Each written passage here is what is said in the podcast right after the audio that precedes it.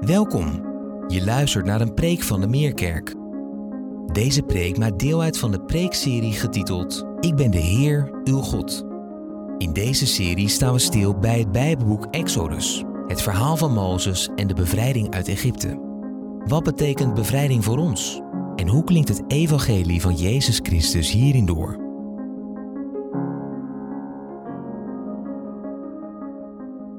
Goedemorgen. Wat een Bijbelgedeelte. Wat een woorden van God. Dit is voor die zichzelf openbaart. Het raakt me. We gaan verder in onze preekserie over Exodus. En we hebben vorige week stilgestaan bij het gouden kalf. Het volk van Israël had een verbond gesloten met God. En niet lang daarna gingen ze weer de mist in. Ze aanbaden een gouden kalf. God was diep, diep gekwetst. De relatie tussen het volk en God was verstoord. En vanochtend, dit Bijbelgedeelte wat we zojuist hebben gelezen, is eigenlijk hoe die relatie tussen God en zijn volk weer hersteld wordt. Hoe er weer verzoening komt. Hoe ze van een staat van gebondenheid, gebonden aan zonde en afgoden, weer teruggebracht worden naar een staat van verbondenheid. Verbonden met God. Niet meer gebonden, maar verbonden met God.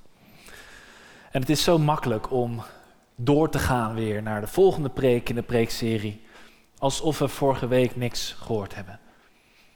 En ik hoop dat je afgelopen week erbij stil hebt gestaan. Na hebt gedacht over het gouden kalf. Wat fungeert als een gouden kalf in jouw leven? Toen ik er voor mezelf over nadacht, en door deze hele serie heen ben ik zo ontzettend weer bepaald bij de heiligheid van God. God is zo heilig. En eigenlijk dat ook ik mij constant weer moet bekeren. De oproep tot bekering, ja, die wordt niet altijd goed verstaan. Ja, ik heb me toch al bekeerd. Bekeerd tot het christendom. Maar een christen die bekeert zich elke dag. We hebben er net nog voor gebeden. En ik merk gewoon bij mezelf dat ik te licht denk over de zonde. Laat ik het anders zeggen, ik ben te selectief. Ik bekeer me vooral over de dingen die ik erg vind. Waarvan ik denk, oh dat, dat is echt niet goed. Daar moet ik me van afkeren. Maar ik ben niet degene die de standaard bepaalt, dat is God. Hij bepaalt wat goed en wat fout is. En als ik zijn woord lees en als ik die woorden lees, dit heeft de Heer bepaald, denk ik van ja, nou, prima, dat heeft hij bepaald, dat vindt hij belangrijk. Ik denk daar nog te licht over. Dat is wat het met mij heeft gedaan. Ik weet niet wat het met jou heeft gedaan, maar we gaan vanochtend stilstaan bij zo'n ontzettend belangrijk onderwerp. De glorie, de heerlijkheid van God. Hoe gaan we van gebondenheid naar verbondenheid? En dit geldt niet alleen voor het volk toen, dit geldt ook voor ons nu vandaag. En we zien hoe Mozes pleit bij God voor het volk. En hoe Mozes geen genoegen neemt met het antwoord wat God geeft. Hij wil steeds een spade dieper gaan.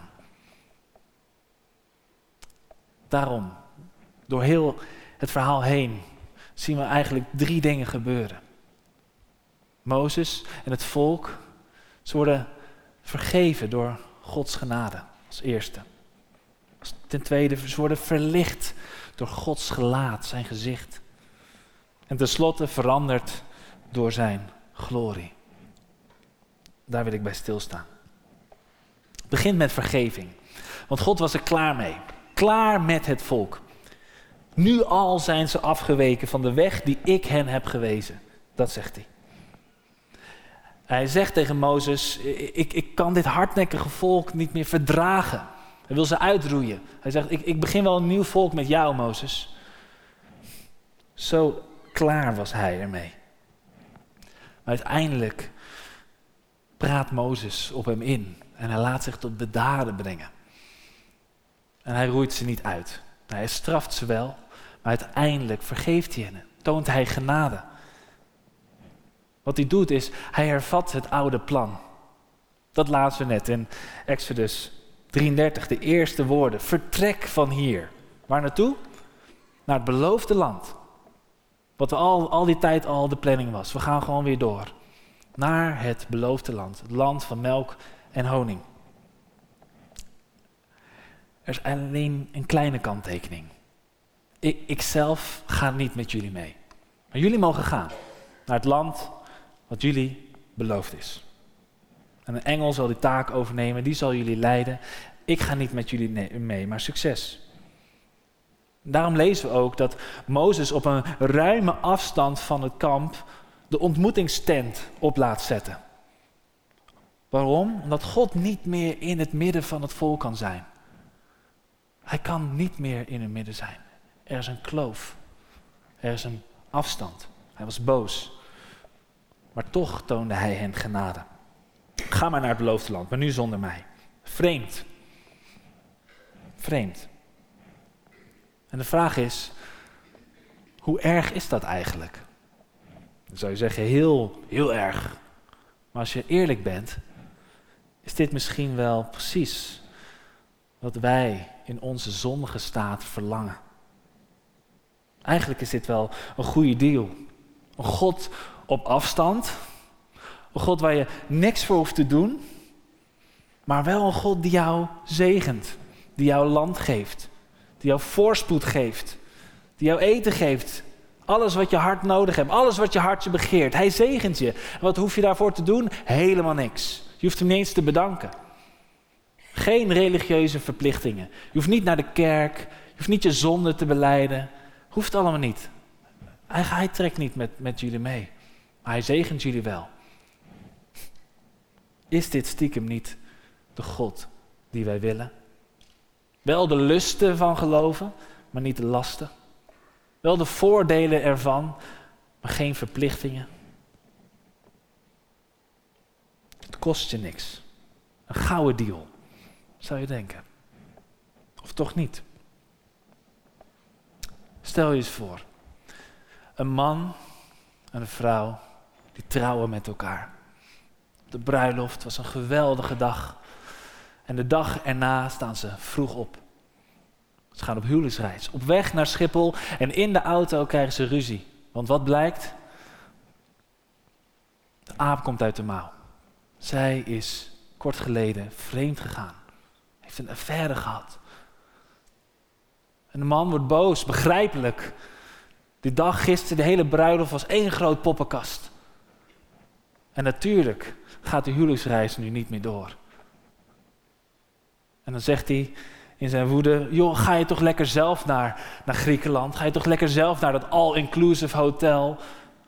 Waar, alles, waar je alles hebt, mooi weer, eten zoveel je wil, alles heb je, maar ik ga niet met je mee. Denk je dat de vrouw zou gaan? Nee, natuurlijk niet. En dit is precies wat Mozes zijn reactie is. Als u zelf niet meegaat, als u niet meegaat met ons op huwelijksreis, wat heeft het dan voor zin? Daar gaat het toch om, om onze relatie. Niet om al die extra dingen die erbij komen. Als u niet zelf meegaat, laat ons dan niet verder trekken. Maarten Luther, die zou een keer gezegd hebben: Ik ben liever met Jezus in de hel dan zonder Jezus in de hemel. Want een hel met Jezus, dat is de hemel. En een hemel zonder Jezus, dat is de hel. Voor veel mensen is Jezus een ticket naar de hemel. Hij is een middel. Een middel tot een hoger doel. Ik wil in de hemel komen. Jezus geeft dat aan mij. Je gaat naar hem toe om iets van hem te krijgen. Iedereen wil iets van hem. En dat is de vraag. Gaat het bij Jezus jou om wat hij jou te geven heeft? Of gaat het om hemzelf? Dit gebed, wat Mozes bidt, van als u niet met ons meetrekt, laat ons dan niet verder trekken. Dat is niet een gebed voor als het tegenzit in je leven. Want natuurlijk wil je dat God met je meegaat naar, dat, naar die sollicitatiegesprek. Of als het tegenzit of als je moeites hebt. Natuurlijk wil je zijn aanwezigheid dan. Maar dit is een ander verhaal. Ze krijgen alles aangeboden, alsjeblieft. Ik beloof je land, voorspoed. Het enige is dat ik niet met je meegaat. Zou je die deal aannemen? Zou je die deal aannemen? Hoe vaak zeggen wij dat niet tegen God? In zekere zin. Heer, als u niet met mij mee wilt trekken op die weg die ik ga, omdat ik volhard in mijn zonde, prima. Moet u weten. Maar ik ga wel zonder u naar dat beloofde land. Ik ga wel in mijn eentje op huwelijksreis. En je vindt het soms eigenlijk wel prima dat we een God hebben op afstand. Een God die niet in ons kamp verkeert, maar op ruime afstand daarvan. Hij is wel beschikbaar. Je kan naar hem toe als je hem nodig hebt. Maar eigenlijk hoeven we hem ook weer niet te dichtbij te hebben.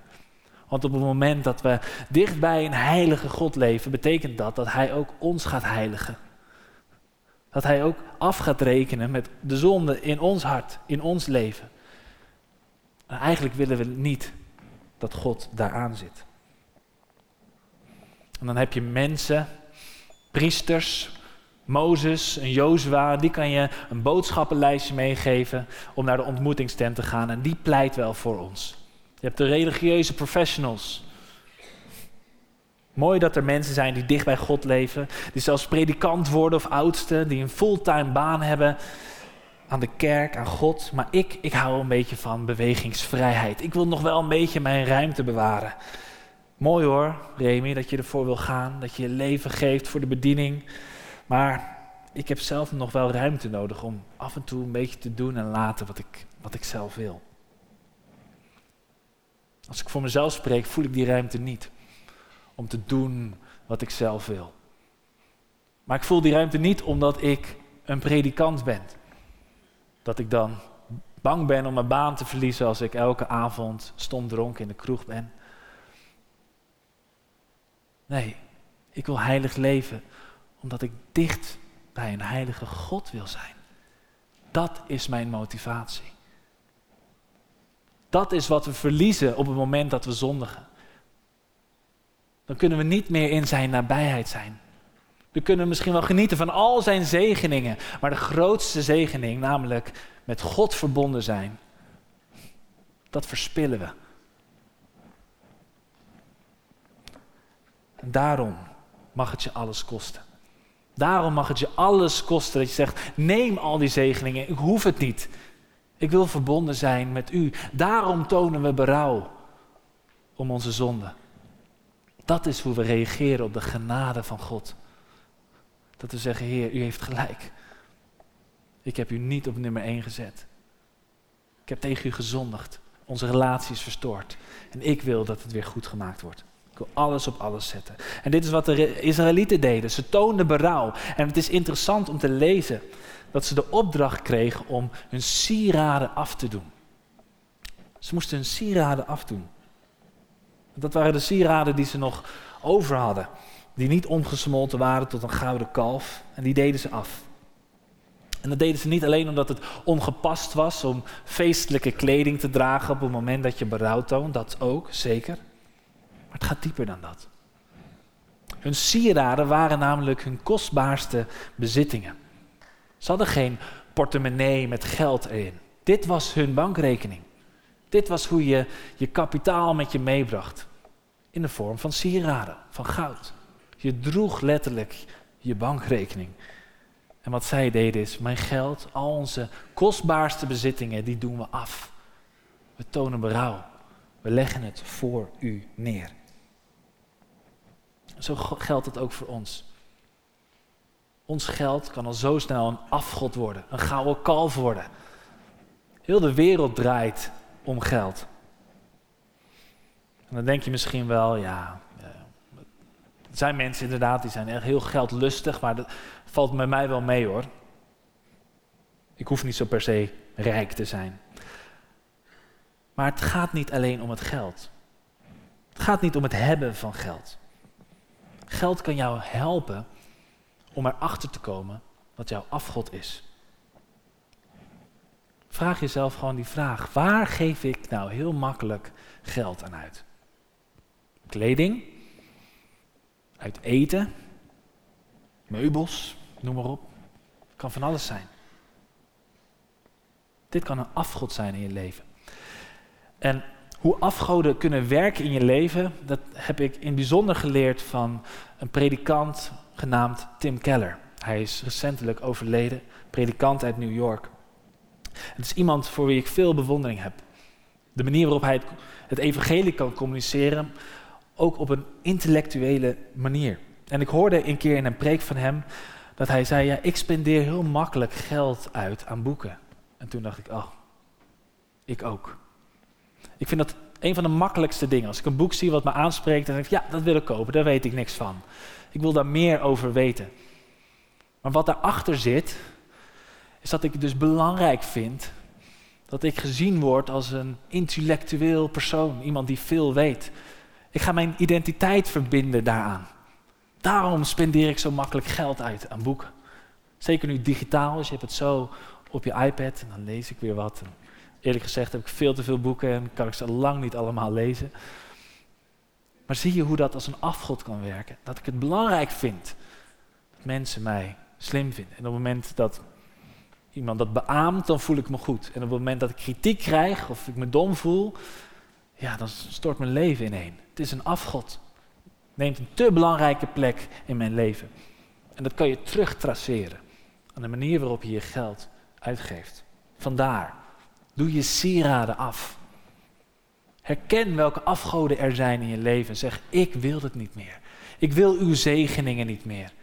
Hoe fijn het is dat ik die mag krijgen. Maar op het moment dat u niet met ons meetrekt, op het moment dat u niet op de nummer 1 staat van mijn leven, dan ga ik niet verder trekken. Dan doe ik mijn sieraden af. En dan toon ik berouw en kom ik tot één keer. Is dat jouw gebed elke ochtend? Heer, als u niet met me meegaat vandaag, wat heeft het dan voor zin? Dat u met mij meegaat. We hebben niet alleen zijn vergeving dus nodig. We hebben zijn aanwezigheid nodig. Zo komen we op het tweede punt, namelijk dat we verlicht worden door het gelaat van God. Het Hebreeuwse woord voor gezicht, voor gelaat, is pane of panim. En het komt heel veel voor in het Bijbelgedeelte wat we zojuist gelezen hebben. Omdat het op verschillende manieren vertaald kan worden. Het kan dus vertaald worden als gezicht, gelaat. Maar het kan ook vertaald worden met aanwezigheid. Letterlijk staat er in vers 15, en de HSV heeft dat goed vertaald, er staat als uw aangezicht, als uw gelaat niet meegaat, laat ons dan van hier niet verder trekken. Waarom? Waarom zijn gelaat? Omdat dat de persoonlijke aanwezigheid is van God. Als je iemand persoonlijk wil kennen, dan wil je face-to-face contact hebben met iemand. We hebben de ervaring natuurlijk met de coronacrisis gehad. Dat we verstoken van elkaar waren. Dat er relaties misschien wel verwaterden, omdat we geen face-to-face contact meer hadden met elkaar. Je wil iemand in de ogen aan kunnen kijken, persoonlijk. En zo zien we dat Mozes van aangezicht tot aangezicht met God sprak als een vriend. Hij wilde in de persoonlijke aanwezigheid van God zijn. Maar hij sprak natuurlijk met hem, maar toch was er altijd nog een kloof. Of hij ontmoette God in een wolk, of in de ontmoetingstent, maar zat er een gordijn voor. Hij kon niet in ieder geval zijn gezicht zien. En daarom dat hij zegt, ik wil niet alleen door u vergeven worden, ik wil niet alleen dat u in ons midden bent, dat u met ons meetrekt, nee, hij trekt de stoute schoen aan en hij zegt: Heer, laat mij toch uw majesteit zien. Laat me toch uw glorie zien. Uw heerlijkheid. Wat bedoelt hij hiermee? Wat wil hij zien? Waar doelt hij op? Het Hebreeuwse woord voor majesteit, voor glorie, is kabot. En dat betekent letterlijk zwaar. Zwaar zijn, zwaar worden. Iets wat massief is. Iets wat gewicht heeft. Als je een pingpongbal tegen een raam zou gooien, of laat ik zeggen tegen deze iPad, dan gebeurt er niet zoveel, hè? gaat iPad niet kapot. Blijft gewoon intact. Waarom? Een pingpongbal heeft geen massa. is niet zwaar. Als ik deze steen tegen Jacobs iPad zou gooien. We kijken wat er gebeurt. Nee, nee, grapje. Een steen heeft gewicht. Een steen heeft massa. En dat is wat je zegt als je het hebt over de glorie van de Heer. Over het gewicht van God. De massa van God. Je kan niet met hem sollen. Hij is geen pingpong God. Nee. Hij is een gewichtige, massieve God. En in ons dagelijks leven behandelen we God soms zo vaak alsof Hij een concept is. We geloven wel in Hem, eh, we hebben de geloofsovertuiging dat Hij bestaat, maar Hij heeft nog geen gewicht in ons leven. Als we ons opwinden over kleine dingen. Kleine dingen kunnen ons ergeren, die maken we zo groot. Die geven veel meer gewicht dan het, zou dan het eigenlijk heeft. En God, ja, God die verdwijnt al zo snel een beetje op de achtergrond. We geloven in Hem. We onderschrijven al die geloofsovertuigingen. We weten dat die bestaat. Maar de realiteit van het feit dat Hij met jou gaat, dat Hij bestaat, die proeven we. Die ervaren we niet altijd. En dat is wat we in zekere zin doen. Als we een gouden kalf maken, dan maken we een God naar ons eigen evenbeeld. En dat is een een slappe God. Een God die ons misschien wel aanspreekt, maar het is een God zonder gewicht. Het is een pingponggod. Een pingponggod. Weegt niks. Zo ingedeukt. Gaat alle kanten op, behalve de goede kant op. Zeker als ik ga tafeltennissen. Het is een God zonder gewicht. hoe komt dat? Omdat wij onze ideeën, onze voorkeuren, onze verlangens projecteren op God. We maken God tot iemand die wij heel graag zouden willen dat Hij is. En we doen dat met de Bijbel in de hand. Als jij iemand bent die heel open-minded is, dan, dan spreekt het je aan dat Jezus oog had voor de outcasts, voor de buitenbeentjes. En dat hij de regels af en toe even overtrad. Ah, lekker, dat is mijn Jezus. Terwijl als je misschien wat conservatiever bent of wat meer zwart-wit denkt, dan van ja, maar hij is ook heel, heel scherp. De bergreden, dan scherpt hij de wet nog eens een keer aan. Dat, dat is mijn Jezus, een heilige Jezus. En allebei hebben ze gelijk en allebei slaan ze de plank mis. Want we gebruiken Gods woord selectief. We kiezen de God uit die ons aanspreekt. We maken Jezus al heel snel als onszelf. Zoals wij willen dat Hij is. En dat is een afgod. Dat is een God zonder gewicht, zonder massa. Maar wat gebeurt er als je van aangezicht tot aangezicht met God mag spreken? We zien het bij Mozes. Iets later, we hebben het niet gelezen, dan komt hij van de berg af en zijn gezicht straalt helemaal omdat hij het licht van het gelaat van God heeft gezien, geeft zijn gelaat, zijn gezicht nu licht. En dan komt hij van de berg af en de mensen kunnen het bijna niet verdragen. Joh. Wat is dat licht wat, wat afstraalt van je, van, je, van je hoofd? Doe een doek, doek om je hoofd of zo. En dat doet hij dan ook letterlijk. Hij loopt met een doek rond. En op het moment dat hij weer naar God gaat, doet hij die doek af. En je zou denken dat het precies het tegenovergestelde is. Dat op het moment dat je naar God gaat, dat je dan een doek op moet doen. Dat je dan niet jezelf kan zijn.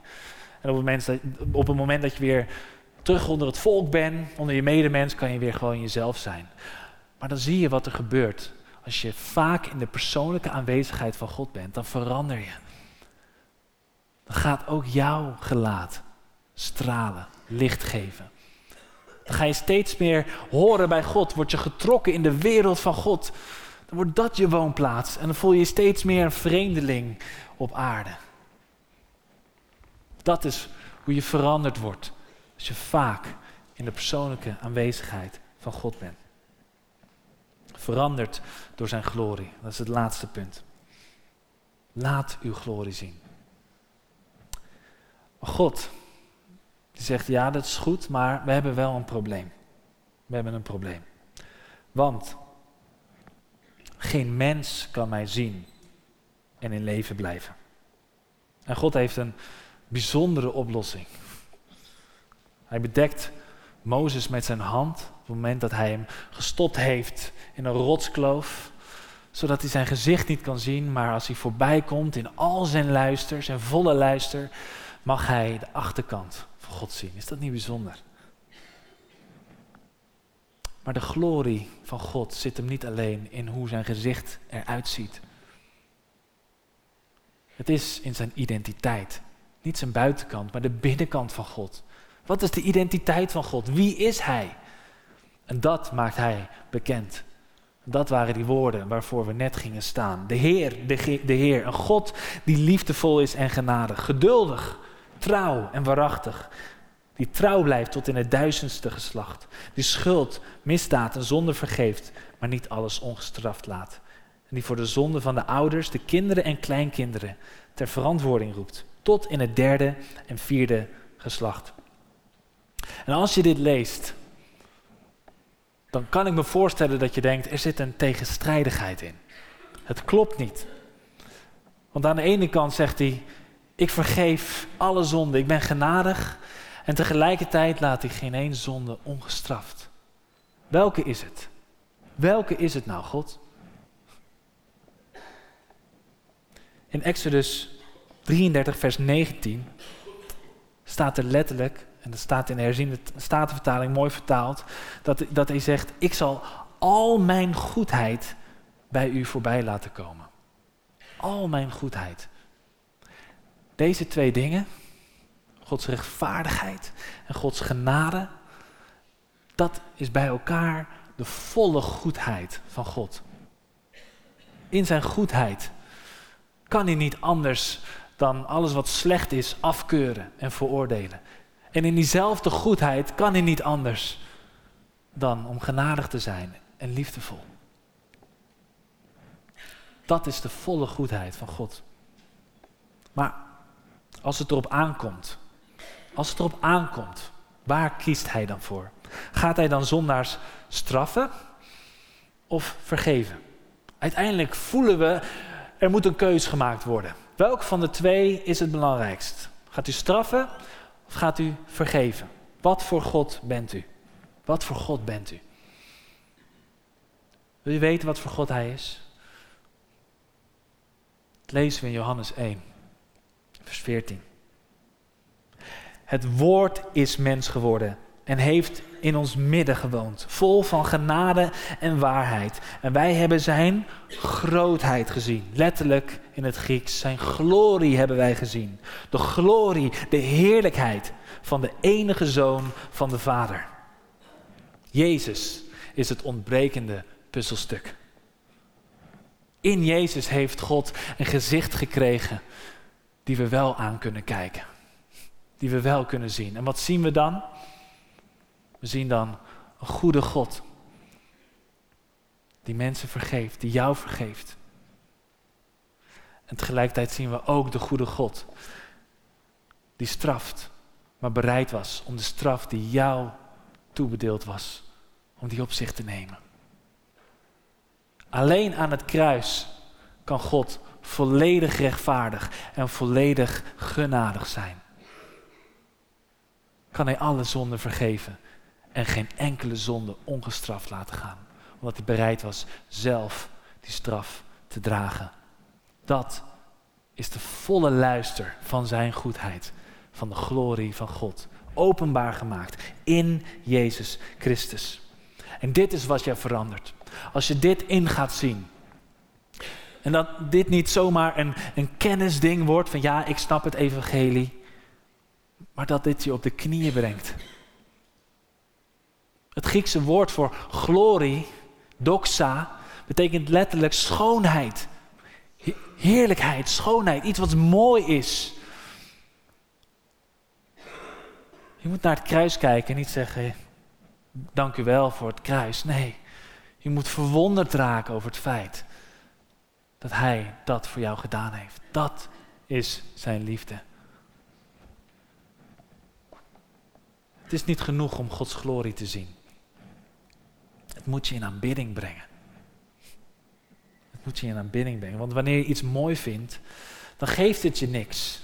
Als je kijkt naar een zonsondergang of een schilderij, daar heb je niks aan. Puur en alleen het feit dat het mooi is. Mooi in zichzelf. Is God mooi in zichzelf? En niet om wat Hij jou te geven heeft. Verheug je je over Hem. Ik, ik zie te vaak dat we transformatie verwarren met informatie.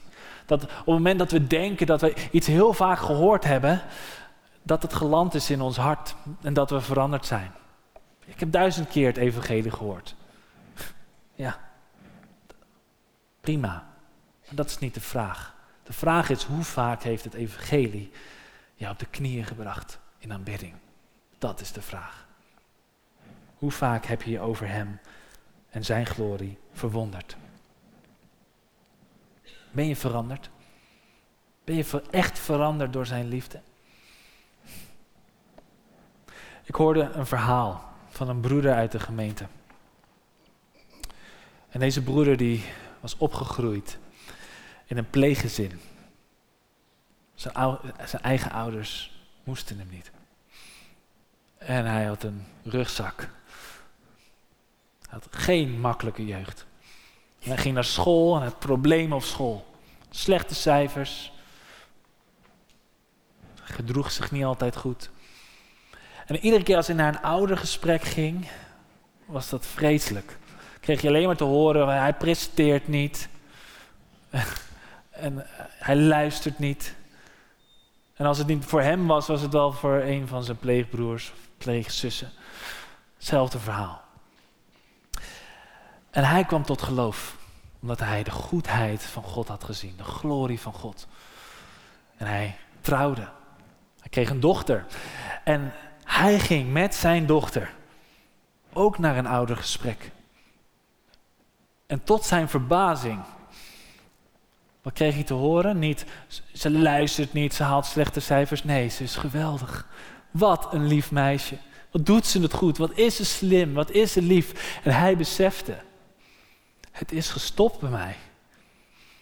De zonde die in mijn leven was, waar ik misschien zelf niet eens wat aan kon doen, omdat ik zo voorgesorteerd was, mijn ouders mij hadden afgewezen. Ik heb het niet doorgegeven aan mijn eigen dochter. Het is gestopt bij mij. Mijn leven is veranderd en niet alleen mijn leven, maar ook het leven van mijn kinderen. Dat is wat het evangelie kan doen in een mensenleven. Als we dan lezen dat kinderen moeten boeten voor de slechte keuzes van hun ouders, hij straft hen tot het derde en het vierde geslacht. Denken we, dat, dat slaat toch nergens op? Dat is toch niet, niet eerlijk?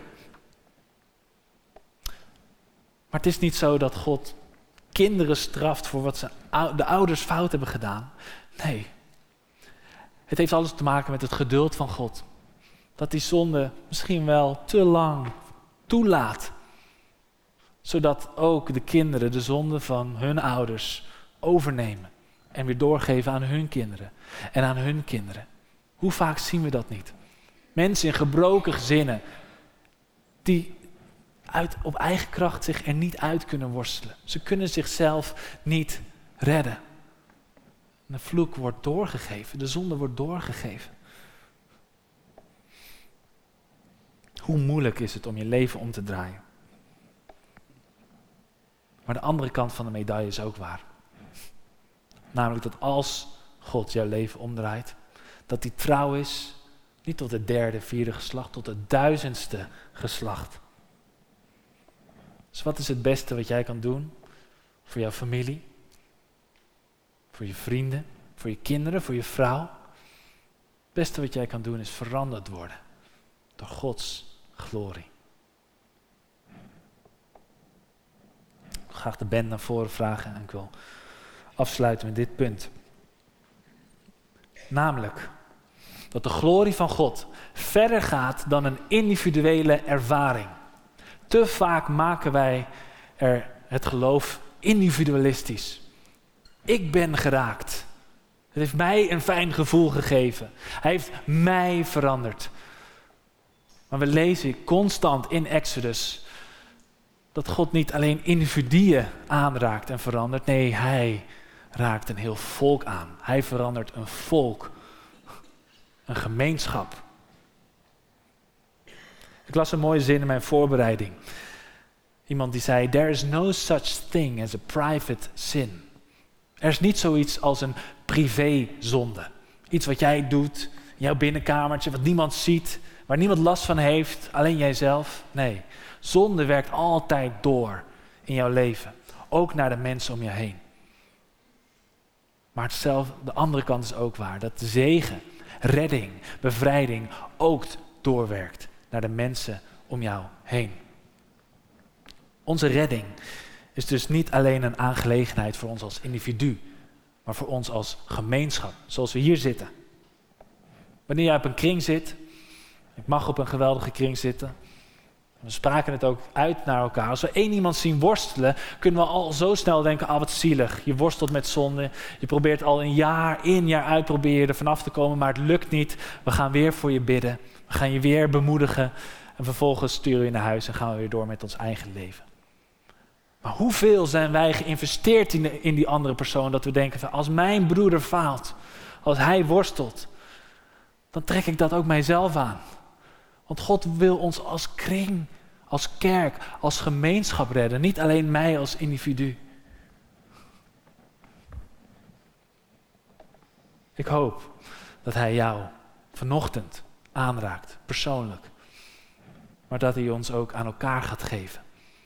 Zodat al die vonkjes, die individuele vonkjes, bij elkaar één groot vuur mogen zijn. En niet een vuur van inspiratie. En dat klinkt misschien gek. Maar ik hoop niet dat je straks naar huis gaat geïnspireerd door een preek. Nee, ik hoop niet dat je geïnspireerd naar huis gaat. Ik hoop dat je bekeerd naar huis gaat. Vergeven door genade, verlicht door zijn gelaat en veranderd door zijn glorie. Heer, laat uw glorie zien. Laten we bidden. Heer, wat een gebed. Wat een gebed van Mozes. En we weten half niet wat we vragen. Als we zeggen, wilt u komen met uw glorie, met uw volle gewicht. Het is het gewicht van uw goedheid wat we niet kunnen dragen. Maar omdat we kunnen kijken in het gezicht van onze Heer Jezus Christus. Waar uw volle glorie in werd getoond. Omdat u uw leven gaf en bereid was om de straf voor ons te dragen. Daarin hebben we uw glorie gezien. Dank u wel, Jezus. We prijzen uw grote naam daarvoor. Amen.